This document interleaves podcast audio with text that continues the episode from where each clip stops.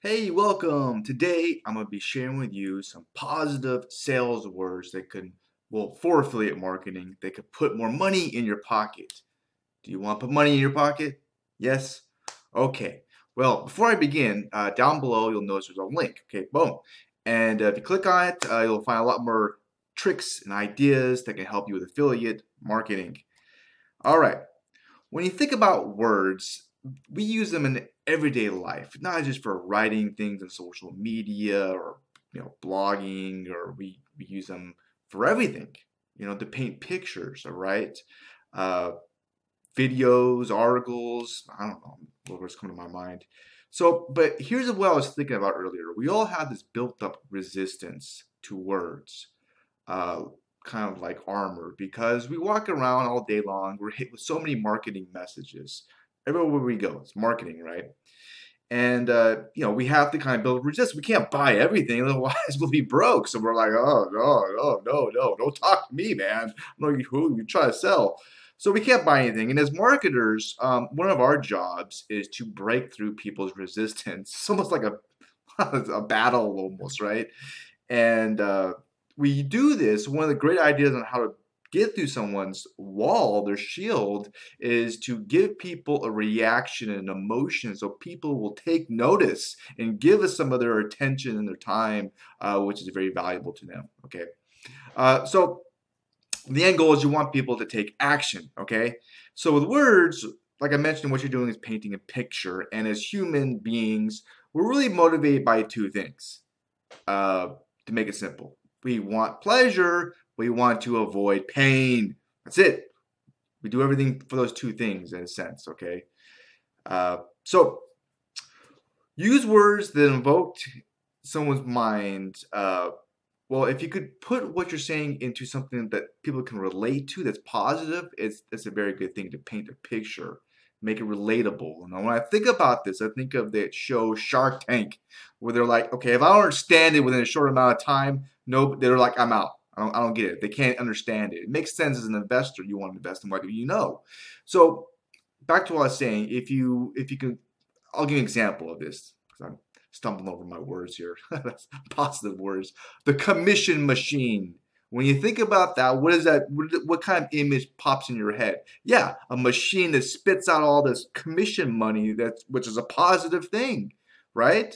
Yeah, that's what it invokes on me. So the more you could use words that uh, can re- be relatable to someone else in their life and it's positive, then that's going to be a good thing for you. Okay.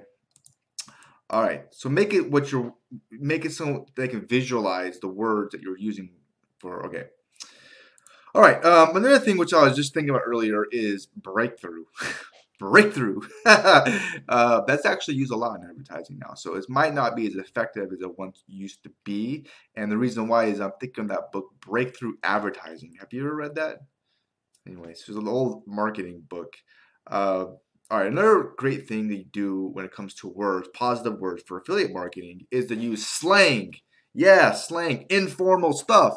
Don't talk boring and uh, don't be boring. Boring is bad when it comes to marketing, okay? Don't use stuff that you used in school or a corporate job.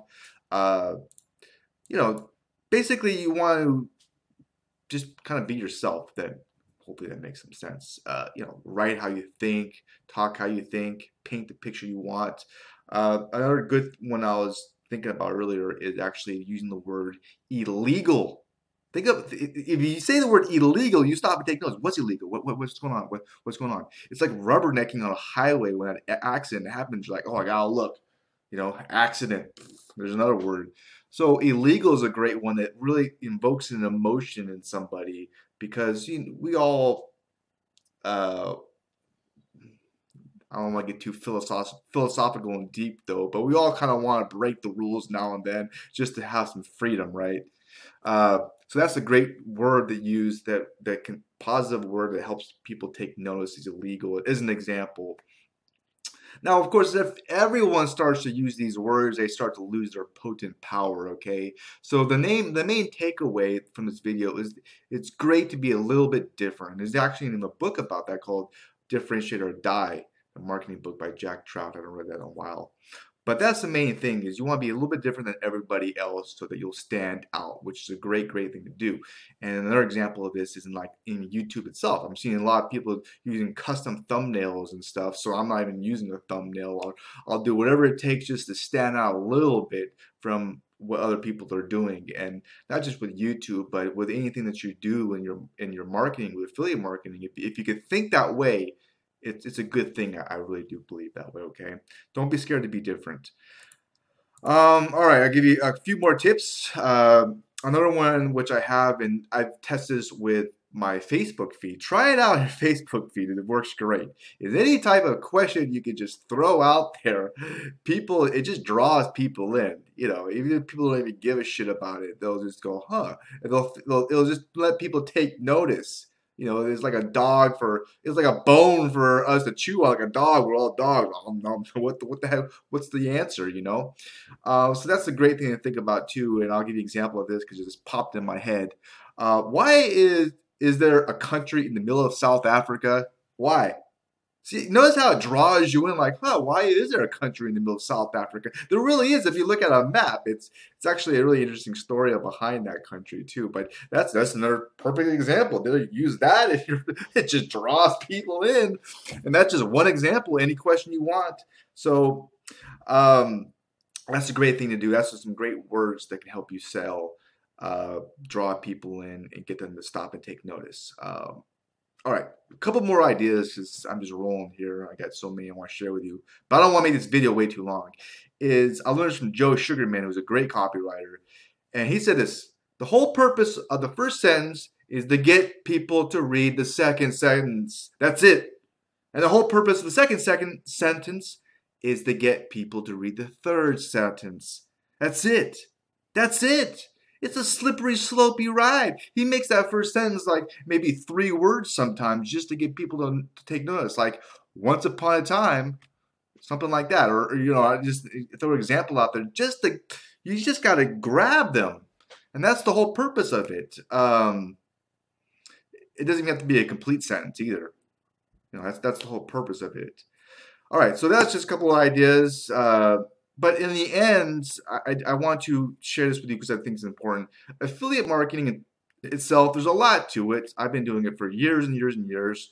It really is a skill. And one of the best things you can do um, is to find someone really, really good and just copy them. Just learn from them follow with them. And uh, if you want to know who I really admire and recommend and why. I made a really short four minute video that explains that, and you could view that by just clicking on that link below and uh, why I, I, recommend this person so much. Okay, so I hope you got some value from this uh, this content, uh, this video, or maybe you listen to it on podcast on uh, Words That Sell. If you did, please hit the thumbs up button. Um, and leave a comment too for your thoughts. I have a great rest of your day, and I wish you the best. Uh, bye for now.